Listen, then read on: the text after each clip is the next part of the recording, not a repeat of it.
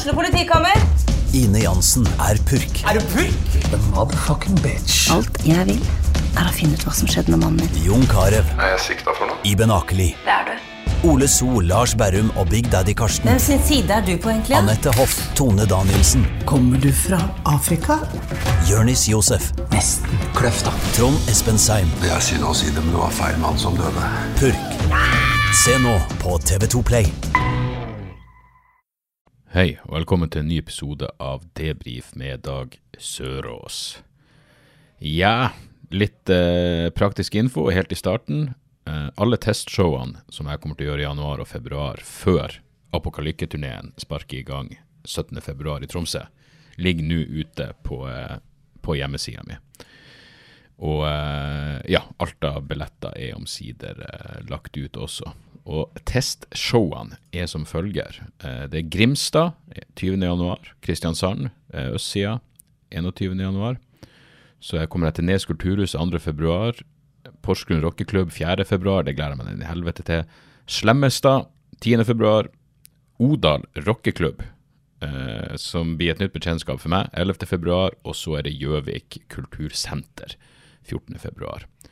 Og så er det førpremiere på Finnsnes 16. februar, og så er det premiere i Tromsø 17., og så tar vi det derifra. Så det skulle være det aller viktigste der.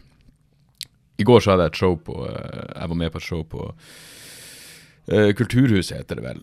Og da var det Det var lite folk, og så var det en fyr som satt eh, Jeg la bare merke til han, for han, han satt alene ytterst bakerst og drakk øl og så seg liksom rundt som om han prøvde å få kontakt med folk. Og så når uh, Ja, så når jeg, var, når jeg var ferdig, så gikk jeg i, i baren for å kjøpe noe. Og da kom han etter meg og så sier han I guess you're funny. Og så sa jeg OK. Og da viser det seg han var en amerikaner, bare på noe jobbtur eller et eller annet. Han skulle være eh, fem dager i Oslo, syns han sa. Og så var det en eller annen kompis som tydeligvis på kødd hadde kjøpt han billett til det her showet. Eh, og da trodde han selvfølgelig at det skulle være på engelsk, eh, noe det ikke var. Det var i høyeste grad på, eh, på norsk hele greia. Hele kvelden. Og det var vel en seks-syv komikere på, og det var mye opp og ned i stemninga. Og eh, han holdt ut. Det skal han faen meg ha. Han satt, det er klart han hadde jo pilsa, så han hadde jo bar tilgjengelig, så sånn sett var det vel helt greit. Men jeg tenker, jeg, jeg, jeg har vel bare én gang, tror jeg, opplevd eller, jeg, jeg tror det er én gang jeg har sett standup på et språk jeg ikke skjønner, det var da jeg var på Island, eh, i Reykjavik, og, hadde, og var med på eh, og var med på sånne eh, hva på å si, klubbshow som de hadde der. Eller det var, jeg husker ikke, det var ganske store saler, men da var det to-tre islandske komikere, og så var det meg på slutten, som selvfølgelig da gjorde det på engelsk. Og når jeg satt og hørte på dem, så Det, det, det er litt fascinerende, fordi det er jo ei rytme i standup. Og alle de komikerne i Reykjavik, fun liksom, det funka som faen. De drepte det ganske bra. Så du kom liksom inn i den flyten av at Og så kan du selvfølgelig gjette hva punchline er, og hva de prater om, og det var jo mer eller mindre umulig. Eh, og da, da mener jeg det var mer enn mindre umulig å skjønne noen ting. Men du blir jo jævlig fort lei.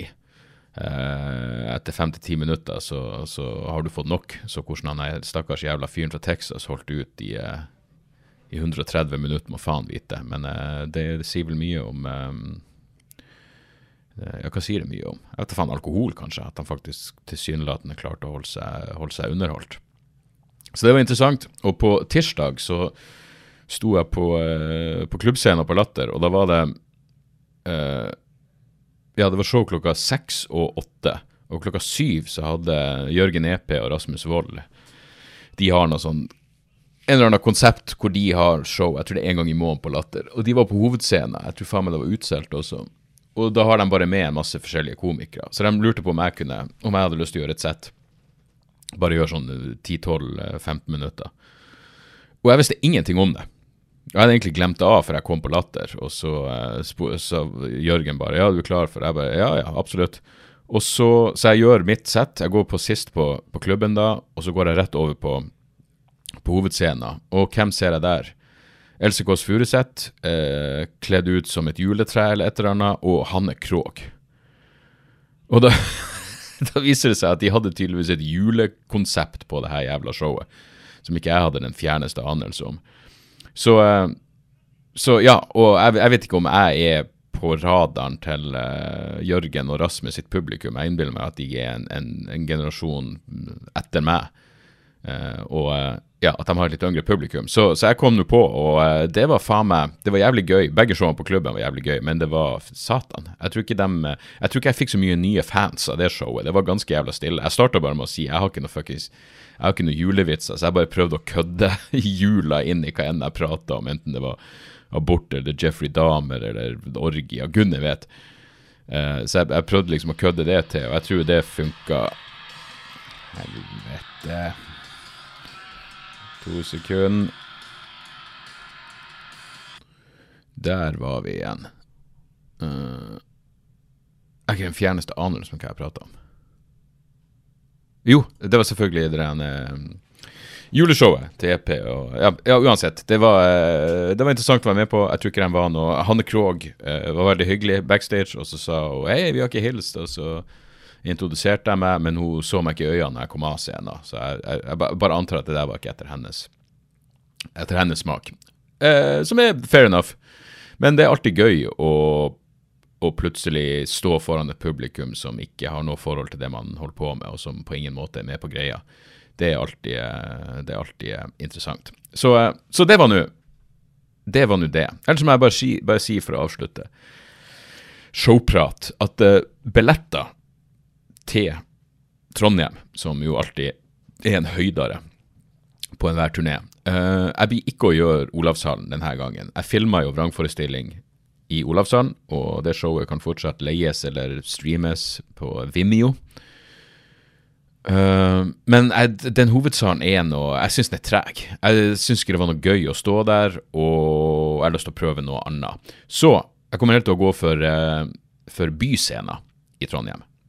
Uh, der er greia at det er ganske høy leie, og med setteplasser så er det bare plass til 400. Så, så vi får se. Det, det, blir flere show, går jeg ut ifra, hvis ting går som, som man håper på. Men uansett, billetter til showet som blir 30.9. Billettene til det showet i Trondheim. Og her kan det sikkert være uh, en idé å være ute i god tid, for jeg, jeg tror de, uh, Trondheim er liksom en, en, bra plass for meg. Um, billettene til showet i Trondheim legges ut på mandag, altså 12.12. blir det vel klokka ti. Så har dere det i bakhodet. OK. Siste nyhetssaken jeg så før jeg satte meg ned her nå, er at det er Britney Griner er sluppet fri Uh, hvis jeg husker rett, så ble vel hun uh, Hva faen er det hun er, det basketballspiller? Hun ble arrestert fordi hun hadde med seg en sånn vape, en weed-vape. Hun om det! Hun om det! Nei, hun hadde med seg en sånn vape-sak eh, inn i Russland, og så ble hun tatt Jeg husker jeg så annen, noen som kommenterte at hun er jo ei, ei, sportsstjerne i Russland, så det der har hun garantert hatt med seg mange ganger før, og de har sett gjennom fingrene på det. Og så på grunn av ja, Ukraina og eh, nye fuckings geostrategiske eller uh, realpolitiske realiteter, så, så fant de plutselig ut at de skulle arrestere henne. Og, eh, og, sånn er det jo. Hvis du støtter forbudspolitikken, så er det jo, så er det jo sånn som burde skje. Da skal, da skal du straffes hvis du, hvis du sutter på litt, eh, litt cannabisolje. Nå er jo as, as I speak eh, på, eh, på, et fly på vei hjem. Og det er jo selvfølgelig utelukkende positivt. Eh, det eneste håret i suppa man kan prate om, er jo at eh, hun er sluppet fri fordi eh, USA har eh, gått med på å slippe fri våpensmugleren eh, Viktor eh, ut fra The Bout, eller Boot, B-O-U-T. Eh, notorisk eh, russisk våpensmugler.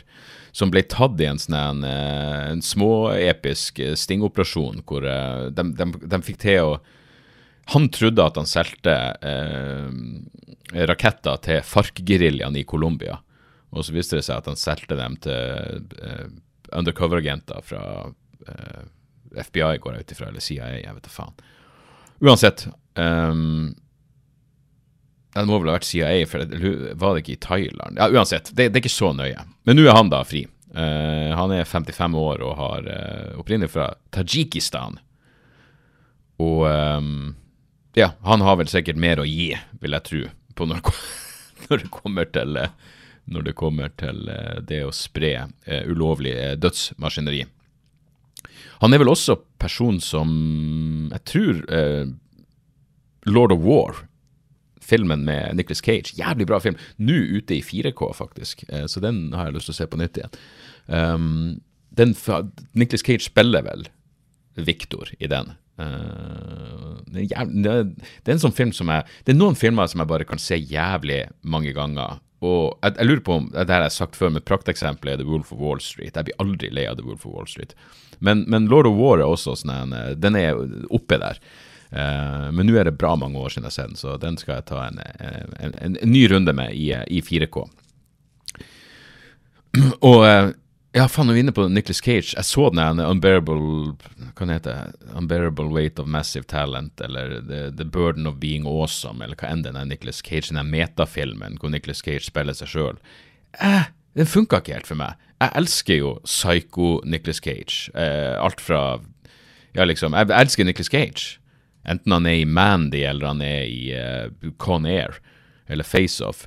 Men den Unbearable Weight of Massive Talent, jeg vet da faen, det funka ikke helt for meg. Det, det ble liksom ikke Jeg syns ikke det Metagreien var interessant, og historia var så jævla jeg mener, det er greit at den er syltynn, men det får da faen meg være grense. Det var jo en anorektisk storyline i den jævla filmen.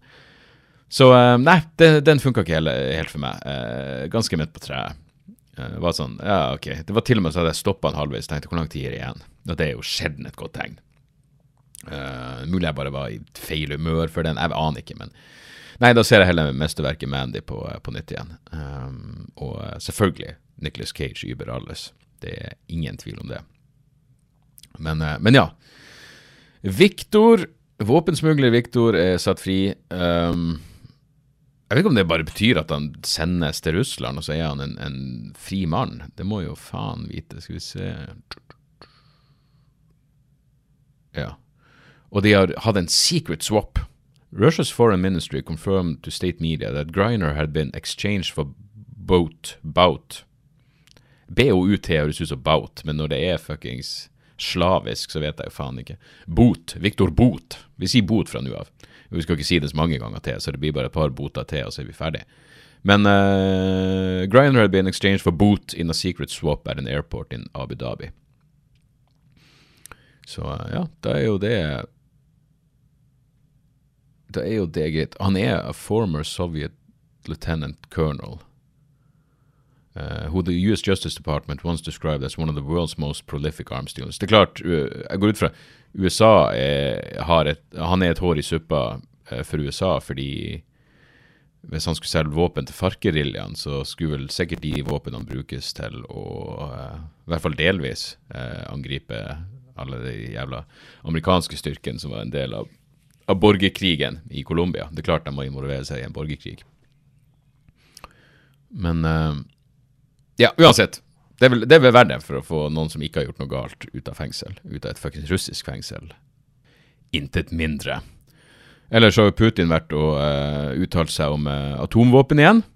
Uh, han var med på Det var noe direktesendt uh, eller direktesendt, det var noe TV, det var sikkert ikke direkte, jeg vet da faen. Noe TV-sending fra Russlands menneskerettighetsråd, som selvfølgelig høres gøy ut. Uh, Russlands menneskerettighetsråd uh, ja, holder ingenting tilbake uh, fra Nord-Koreas sannhetskommisjon. Men da sa i hvert fall Putin, eller oversettelsen er, vi har ikke gått av hengslene, vi innser hva atomvåpen er. Og så truer han med å bruke atomvåpen. Hvis du faktisk innser hva atomvåpen er, og truer med å bruke dem, så har du per definisjon gått av hengslene, din syke satan. Men det får nå så være. Uh, Zelenskyj uh, ja, sier jo at han ikke han er ikke redd for at russerne skal bruke atomvåpen. Uh, på den andre sida var han heller ikke redd for en invasjon, uh, så, så, hvem vet hva som, hva som, kommer til å skje. Men fuckings skummelt er det jo. Absolutt. Pentagon har jo også rulla ut et nytt, uh, et nytt, bombefly. Det var lenge siden sist. Jeg mener, Det er mange som er sånn at de venter på Når Apple skal lansere noe, så venter de i spenning. Eller fucking Samsung sin launch. Jeg, jeg, jeg, jeg venter jeg, sov ute kvelden før for å, for å få med meg Pentagon sine, sine nye lanseringer. Og uh, vinterlanseringa, julelanseringa til Pentagon, var jo uh, uh, B21 Raider. Eh, høyteknologisk eh, flygende drapsmaskineri eh, klarte å bombe frem demokrati hvor enn geostrategiske og økonomiske interesser måtte lede det. Han er, og det er vel det eh, Hva heter de? Jeg klarer aldri å huske det. Jeg tenker Blodstrupmoen hver gang. Northrop Grummer, tror jeg de heter. Vi se. Northrop Grumman, ja. Mm. De sier i hvert fall eh, De sier i hvert fall at uh, det er sånn imponerende stealth-teknologi, så du kan høre det, men du kommer ikke til å se det. Høre det, ikke se det, men jeg tror også du vil kjenne det når det fyrer løs. Og det her er jo uh, visstnok fordi Kina uh, eh, virker mer villig til til å sparke ifra seg på, eh, på verdensscenen. Og Kina ruster selvfølgelig opp sitt atomarsenal, og ja, det her er tydeligvis verden vi er dømt til å leve i. Eh, jeg hørte på den Civita-podkasten, så var det en interessant prat med um, ei som var ekspert på atomvåpen. Um, heter Hegghammer til etternavn. Jeg lurer på om det er kona til Thomas Hegghammer fra, fra Norvik. Um, men uansett, hun sa i hvert fall at den ikke-spredningsavtalen som alle liksom uh, driter på, uh, ikke-spredningsavtalen i forhold til NPT, Non-Proliferation Treaty, at den faktisk har vært en, en seier uh, for å bremse ned uh, utviklinga av, av, atomvåpen. Um, jeg vet ikke, men det er jo på, på, på alle måter nok atomvåpen uh, som det er. Så jeg vet da faen. Det er Ja, denne dommedagsklokka er vel på hva det er, 40 sekunder til midnatt. Den som Bulletin for Atomic Scientists har hvert år. Så de driver og skrur på. Den var på to minutter til midnatt, og midnatt betyr bang, det er over. Um, ja, jeg holdt, på, å begynne å si en masse ting, men det skal jeg egentlig spare til showet mitt. For jeg, drev og leste om mye om den Trinity-prøvesprengninga, den første prøvesprengninga, den første atomprøvesprengninga i 45. Og også alle de Nessen-ulykkene som har vært. Uh, og det er ganske mye interessant og dritskummelt, og forhåpentligvis også litt morsomt i det. Men uh, hvis dere vil høre om det, så får dere komme på Apokalykke. Billetter ute nå på dagsoras.com eller apokalykke.no. Ellers så var det interessant å se den jævla i Tyskland, den, den aksjonen, eller aksjonene, hvor de arresterte 25 høyreekstremister fra Hva faen var det? Reichsbürger. Ikke som TV 2-nyhetene sa, Reichsburger. Det er vel burger som i borger. Jeg burde jo Det, det er helt sinnssykt at jeg har hatt tysk i hva faen, fire-fem år på skole, og jeg kan faen meg Jeg kan si Ishmag kaltes bier, og det er bokstavelig talt det eneste jeg kan. Men jeg husker at selvfølgelig, man vet jo at en tøddel-u-en uttales y, og da er det vel burger som i borger. Uh, Nå ble jeg plutselig jævlig uh, Reichsburger-bevegelsen, ja. Og uh, det, det, er bare noe med det der uh, Når jeg satt og så nyhetene uh, med fruen, så sa hun selvfølgelig at ja, det, det, her ja, ser ut som det eller, Ja, minner om det January, 6. januar uh, floppen i USA, men jeg vil tro det her kunne blitt atskillig mer intenst og blodig, siden det tross alt er snakk om ikke impulsive tomsinger, men faktisk dedikerte ideologer med høye posisjoner i det tyske samfunnet. Uh, jeg har vel faen meg vært i, sittet i Riksdagen, og, og, det er politifolk og uh, spesialsoldater. I tillegg til en prins, da. Det er jo det beste av alt. Han er Heinrich den åttende. Um, som de påpekte har uh, Han er vel en eller annen ytterliggående ja, prins. Familien har tydeligvis tatt avstand fra han og bare kalt han en gammel tullkuk. Men uh, de påpekte at han har, uh, han har et jakt... Han, de arresterte han på hans jaktslott. Det er sånn, Da vet du at det går greit her i livet. Da vet du at uh, du skal være glad at man kan arve. jeg mener, jaktslott Det er klart, enhver høyreekstrem adelighet med respekt for seg sjøl har selvfølgelig et jaktslott, og gudene vet hva som har foregått i det slottet. Og hva har de jakta på? Det, det har vært Det tipper jeg har vært alle arter fra, fra, fra fra hjort til mennesker. De vil innføre et uh, fyrstedømme, da, som ikke høres så For det er jeg ikke helt skjønner. Altså, de skulle, de skulle gå inn uh, Tanken var å gå inn i Riksdagen og så bare ta uh, politikere til, til, fange. Og så via det skape et ja, Ha et statskupp og og, og, og å starte på nytt som et, som et eneveldig fuckings eh, Et monarki, et ordentlig monarki. Old school monarki. Det jeg ikke helt skjønner, er Jeg skjønner at du kan komme deg inn hvis du har folk som er, som er dyktige med våpen og det er godt planlagt. Så kan du sikkert komme deg inn i Riksdagen og lage et helvete og skyte folk og ta gisler. Men hva skal skje videre? altså Statskupp innebærer vel ved, jeg, jeg, vil tro at noe av det viktigste Jeg husker jeg leste en bok om det der som heter Arms and the People, som bare handler om hvor når du har en revolusjon, så må du få militæret på de sider. Um, og jeg vet at de har et seriøst problem med høyreekstremisme i, uh, i det tyske militæret, i tillegg til det amerikanske. Med, og, og, men er det virkelig nok? Jeg mener, Du må jo ha støtte. Det, det er en sånn jævla selvtillit at du bare skal Du skal bare satse på at du har sånn latent støtte i en stor del av befolkninga, så de faktisk kommer til å gå med på denne eh, revolusjonen. Eh, hvor, eh, hvor Tyskland bare plutselig skal være et monarki, og han her er fuckings gamle, halvsenile dildoen som sitter på jaktslottet sitt og har feberfantasier, han skal plutselig være statsoverhodet ditt. Eh, vanskelig å se for seg, men eh, jeg vet jo at de som driver og følger med på, på høyreekstremisme i Tyskland, har sagt at eh, eh, ja, neste gang det skjer noe stort horribelt og blodig regi av høyreekstremister i Europa, så, så er Tyskland land å, å følge med på. Så um, ja, så vi får bare se. Vi får ta det som det kommer. Ellers har jeg hatt Det, det, det var én sak jeg beit meg merke i som jeg syntes var interessant. For jeg gjorde den eh, Jeg gjorde en uh, en sånn pilotinnspilling med sånn populærkulturpodkast som skal komme på som i regi av Aftenposten, som starter opp i januar. Jeg skal være med. Jeg skal være fast gjest en gang i, en gang i måneden. Men vi hadde en sånn prøveinnspilling, og da skulle man liksom ta med saker, eh, hva man har lyst til å snakke om hvem som liksom har vært i, ja, i, i, i, i popkulturen. Eh, så jeg dro ja, Det er et par uker siden, så jeg hadde vel selvfølgelig lyst til å prate om at jeg syns det er noe At jeg ikke er en konservativ person egentlig på noen måter, men at det er et eller annet med denne måten Elon Musk styrer Twitter på, som bare er, virker direkte upassende.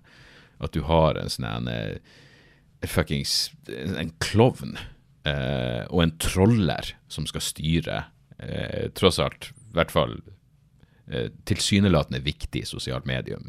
Ja, så vi babla litt om det.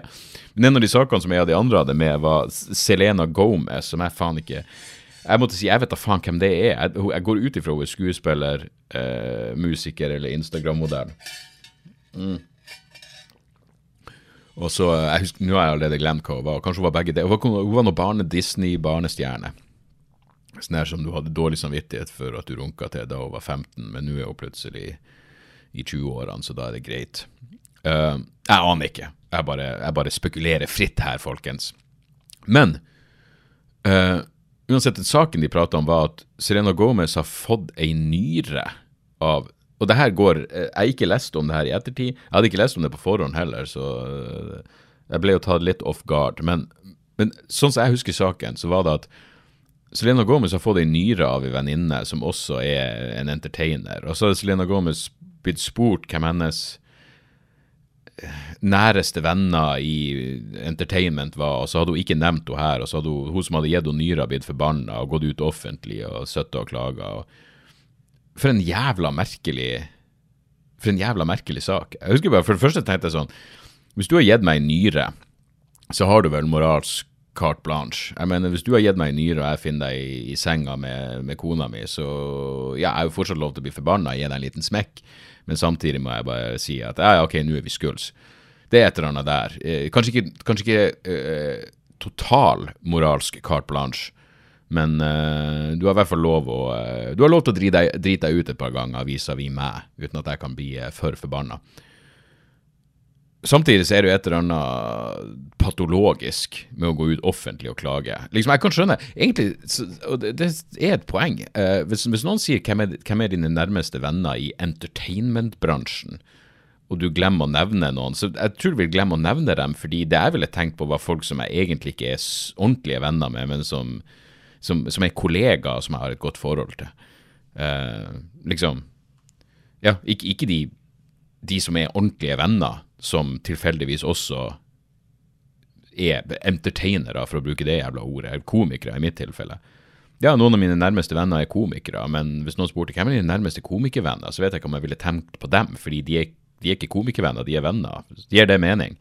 Så jeg vet da faen. Men hvor jævla det, det, er jo bare symptomatisk på det, den, den, den, Jeg mener den jævla Den sinnssyke kulturen vi lever i når de her to venninnene, eller eksvenninnen, tar hele denne fuckings debatten offentlig. Det er ganske det, Og hvis du gir ei, ei nyre i håp om å få noe tilbake, så er jo litt av den, den altruismen der da eh, eh, Ja.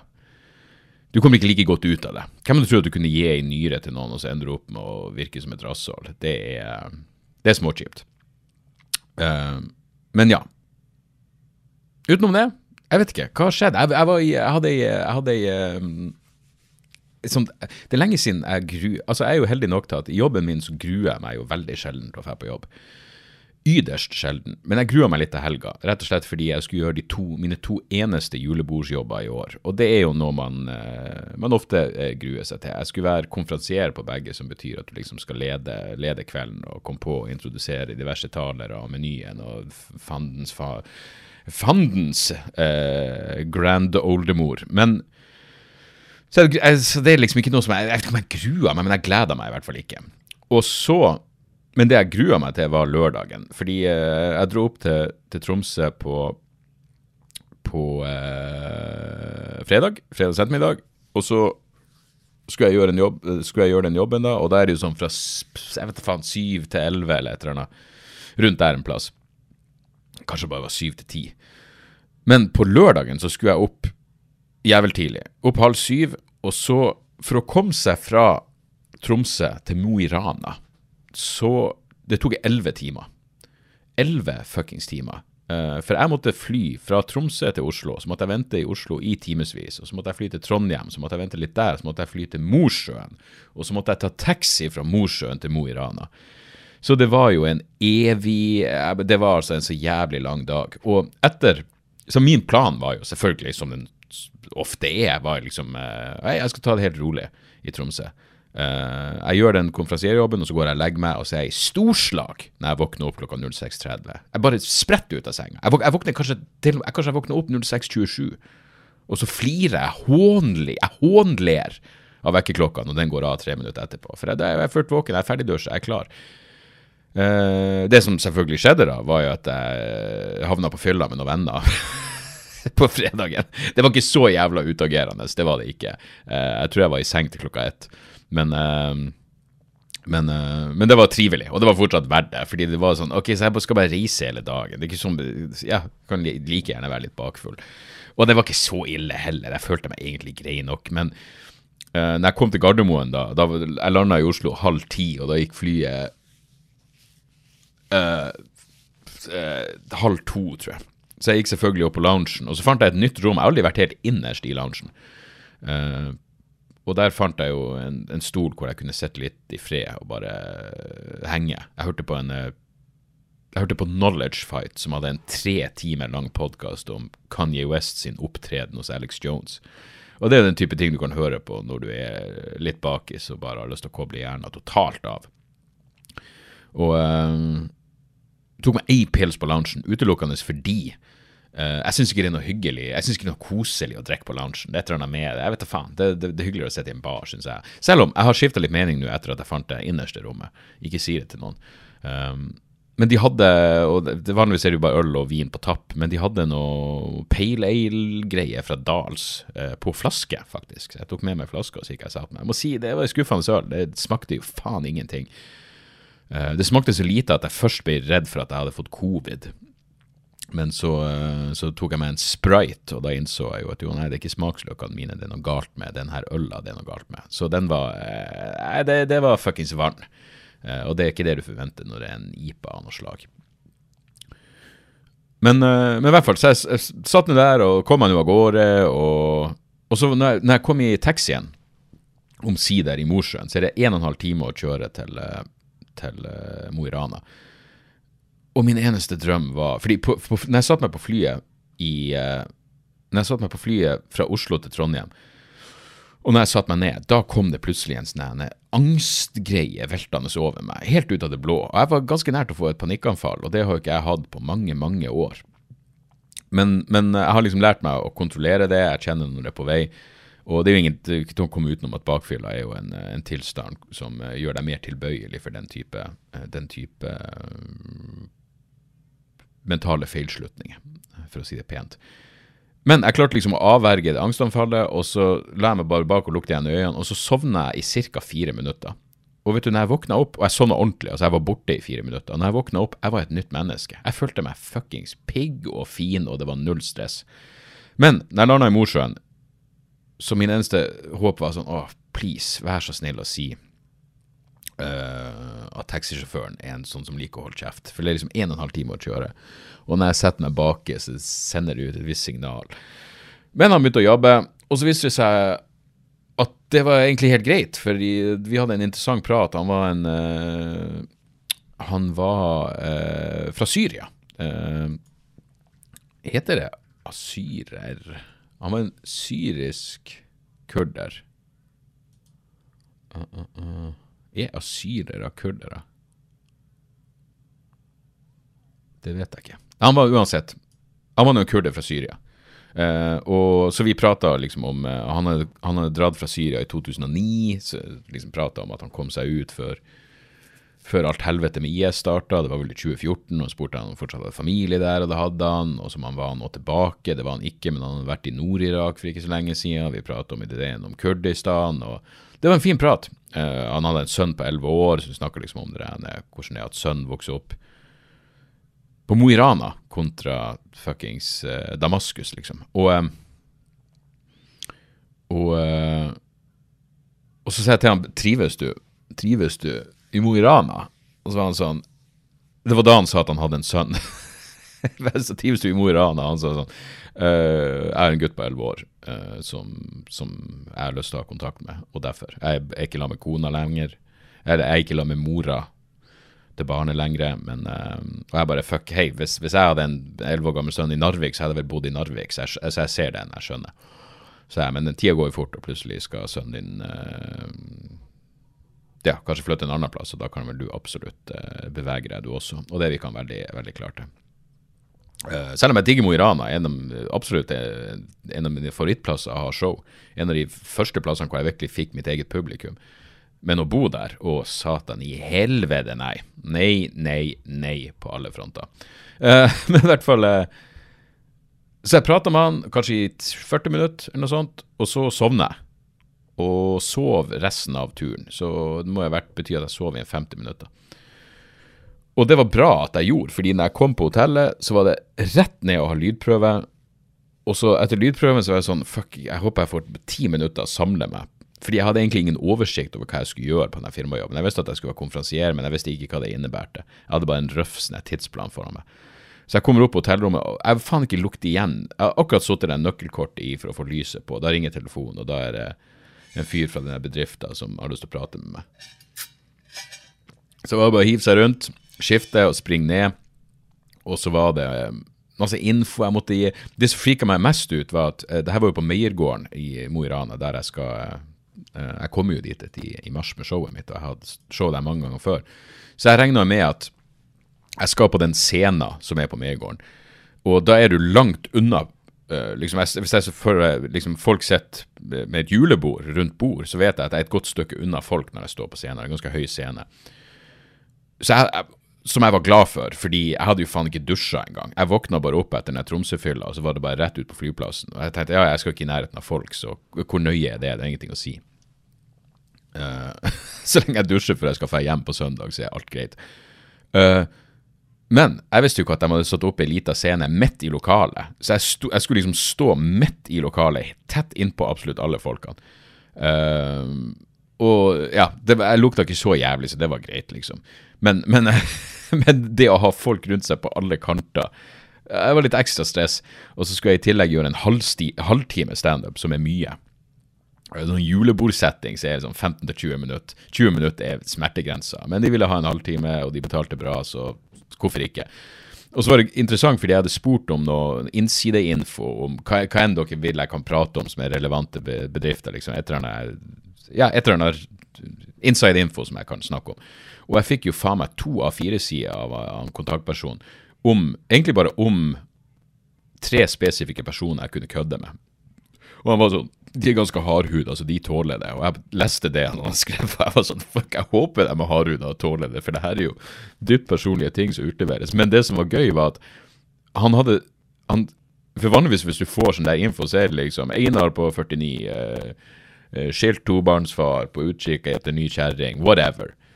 Uh, sleit med bulimi i barndommen. Gudene vet. Men, men her var det virkelig sånn Her var det punchlines på ting. Det var morsomt, og det var callback til de forskjellige det var, det, han, En del av showet brukte jeg bare på å lese opp det han hadde skrevet. Hvor jeg bare var sånn Fuck, du, du gjør jobben min egentlig lettere, for nå kan jeg bare lese det opp, men du gjør den vanskelig når du har Når det du skriver, er morsomt. Så kan liksom jeg begynne å Ja, det er lettere med tørr info for å finne vitser på det. Men eh, det var jævlig bra Jævlig bra skrevet. Så det var eh, så det var gøy. Og, eh, og, og jobben gikk eh, strålende. Jeg fikk til og med sånn en eh, til videresendt hyggelig mail fra dem etterpå, så de hadde sendt til managementet mitt om at det var en magisk kveld og bla, bla. Og, en, en, men det skal sies, jeg skjønte at det hadde gått bra fordi de var godt i farta klokka syv. Eh, når jeg liksom introduserte kvelden, og jeg skulle på scenen klokka ni, så jeg var faen meg spent på hvordan det her kom til å gå. Og de holdt så kjeften De holdt så kjeften at hun, uh, hovmesteren, eller hva het, hun sa bare til meg når jeg kom av scenen Hva var det som skjedde der? Jeg bare, hva du mener De holdt jo kjeften i en halvtime.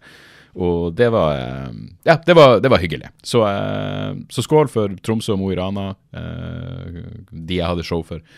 Det var absolutt en hyggelig noe, noe så uvanlig som en hyggelig julebordsjobb. Yo, bitch, hva skjer? Jeg må bare gjøre ferdig podkasten. Jeg har tips igjen, og så er det, er det over. Hva slags tips? Jeg skal tipse om uh, litt musikk, og, uh, og en YouTube-kanal, faktisk. Og et blad Nei, jeg tror det holder med det. Vanligvis er det to tips per episode. Så jeg, blir det sushi etterpå? Du henter Du henter. Jeg betaler, du henter. til deg. All right. Eh, ja, uansett. Så eh, bra helg på alle måter, og, eh, og alt det der. Så Skal vi se Ja, vi er der. Ja. Nei, folkens. Jeg tror det var ukas episode. Takk for at dere hører på. Husk at dere kan gå på patrion.com slash dagsoras hvis dere vil ha mere episoder. Der kommer det i hvert fall to bonusepisoder i måneden, i tillegg til en masse annet snacks og snåder. Um, ja, og rate and review gjerne podkasten hvis det er mulig å gjøre det på appen. Eh, det er en stund siden jeg masa om det, og jeg pleier ikke å mase så jævla mye om det. Jeg vet, ikke hvor mye det betyr, men jeg vet at det gjør podkasten mer synlig og ditt og datt, og man vil alltid ha, flere lyttere, og særlig når det liksom nærmer seg turneer, man faktisk har noe skitt å promotere, så hadde det vært gøy med flere lyttere. Men eh, gjør det hvis dere føler for det. Ikke noe press fra min side. Um, og så vil jeg tipse om første skive. Jeg driver liksom gikk igjennom i hodet mitt nå. Jeg, jeg liker jo å lage sånn en eh, årsoppdatering med sånn ti favorittskiver eller whatever. Og så begynte jeg å tenke på hva jeg har likt i år. Uh, som jeg ikke har nevnt. For det første kom jeg på at jeg, jeg har vel aldri tipsa om den Undeath-skiva. It's Time To Rise From The Grave. Som virkelig er årets feteste eh, death metal-skive. Eh, helt nydelig Cannibal Corpse Worship. Og jeg kom til å tenke på den fordi jeg satte den på Jeg hører ikke så mye på Jeg, hø jeg hører for lite på musikk på stereoanlegget. Det er liksom 90 egentlig via, via hodetelefoner. Men jeg hadde noe så uvanlig som et øyeblikk alene hjemme hvor jeg blæsta den Undeath-skiva på fullt fuckings volum. Og da slo det meg helvete, den her grooven. Den her er det ei fet skive, altså. Undeath, It's Time To Rise From The Grave. Og så må jeg også tipse om den eh, Jeg tror ikke jeg nevnte den. Den Ways Blood. Eller Ways eh, W-E-Y-E-S. Ways Blood. Og skiva heter In the, uh, And In The Darkness Hearts Aglow. Den er veldig fin. Den er sånn det er, det er sånn skive jeg kan ha på i bakgrunnen mens jeg gjør ting, men også når du virkelig hører etter, så kommer du, blir du liksom sugd inn i, eh, i stemninga. Og det, det er noe sånn Jeg vet da faen. eh, Hun var veldig fin. Det, det, det stemningsskapende, og det er noe sånn På et eller annet vis noe fader John Misty-ish i den der übermelankolske uh, klagesanga over en kommende klimakollaps. Og den skiva har vel fått uh, en god del mainstream oppmerksomhet også, så um, den kan anbefales. Jeg så akkurat at hun skal spille på Rockefeller i slutten av januar òg, og det skal jeg prøve å få med meg. Så Waste Blood og Undeath. Og så må jeg anbefale en YouTube-video. Det her er den strålende YouTube-kanalen Timba on Toast, uh, som jeg muligens har nevnt tidligere, som gjør uh, dissekeringer av diverse uh, tomsinger i mange tilfeller, som Tim Pool og Dave Rubin og alle de der fucking hackene. Men han har en veldig bra video om Kanye West. Og Skal vi se Hva kan hete? Timba on Toast Kanye jeg, jeg, får ikke til å si yay, for det høres bare så jævla Den heter Kanye Yay West, The Emperor with No Clothes. Og så heter den Symptoms of, a, of Bipolar Mania. Og det her var uh, Jeg mener, det er jo altfor mye yay i monitor for tida. Men denne videoen gjorde en veldig bra jobb i å virkelig bare Jeg mener, slå, slå fast at uh, han går rett og slett gjennom uh, uh, bi, bi, hvordan det er å være bipolar, symptomene for uh, det å ha den maniske fasen i, i ja, Når du er bipolar, så går jo veldig opp og ned, og når du er nede, så er du helt nede, og når du er oppe, så er du helt oppe. Og han sammenligner det faktisk med å gå på cola, liksom, som skal gjøre det her, som, så flere av oss kan kjenne oss igjen i hvordan det er, hvor du bare får en helvetes selvtillit og, et, og, at du bare må prate. Du, du, blir monomant opptatt av å høre din egen stemme, og du bare sier hva enn som detter inn i hodet ditt uten noe filter. Det er derfor Cola gjør de fleste irriterende, men de gjør i hvert fall rasshold til ulidelige rasshold. Cola kan gjøre hyggelige folk til rasshold, og rasshold til uh, folk du bare får lyst til å ta ut. Uh, men det er en veldig bra video, det varer i sånn tre kvarter, og han bruker eksempel fra pasienter som forklarer hvordan det er å ha denne uh, mentale lidelsen, og legger frem en overbevisende sak for at det er akkurat det som skjer med Kanye West, og som, som selvfølgelig også gjør det helt fuckings umoralsk å sette en mikrofon i trynet hans.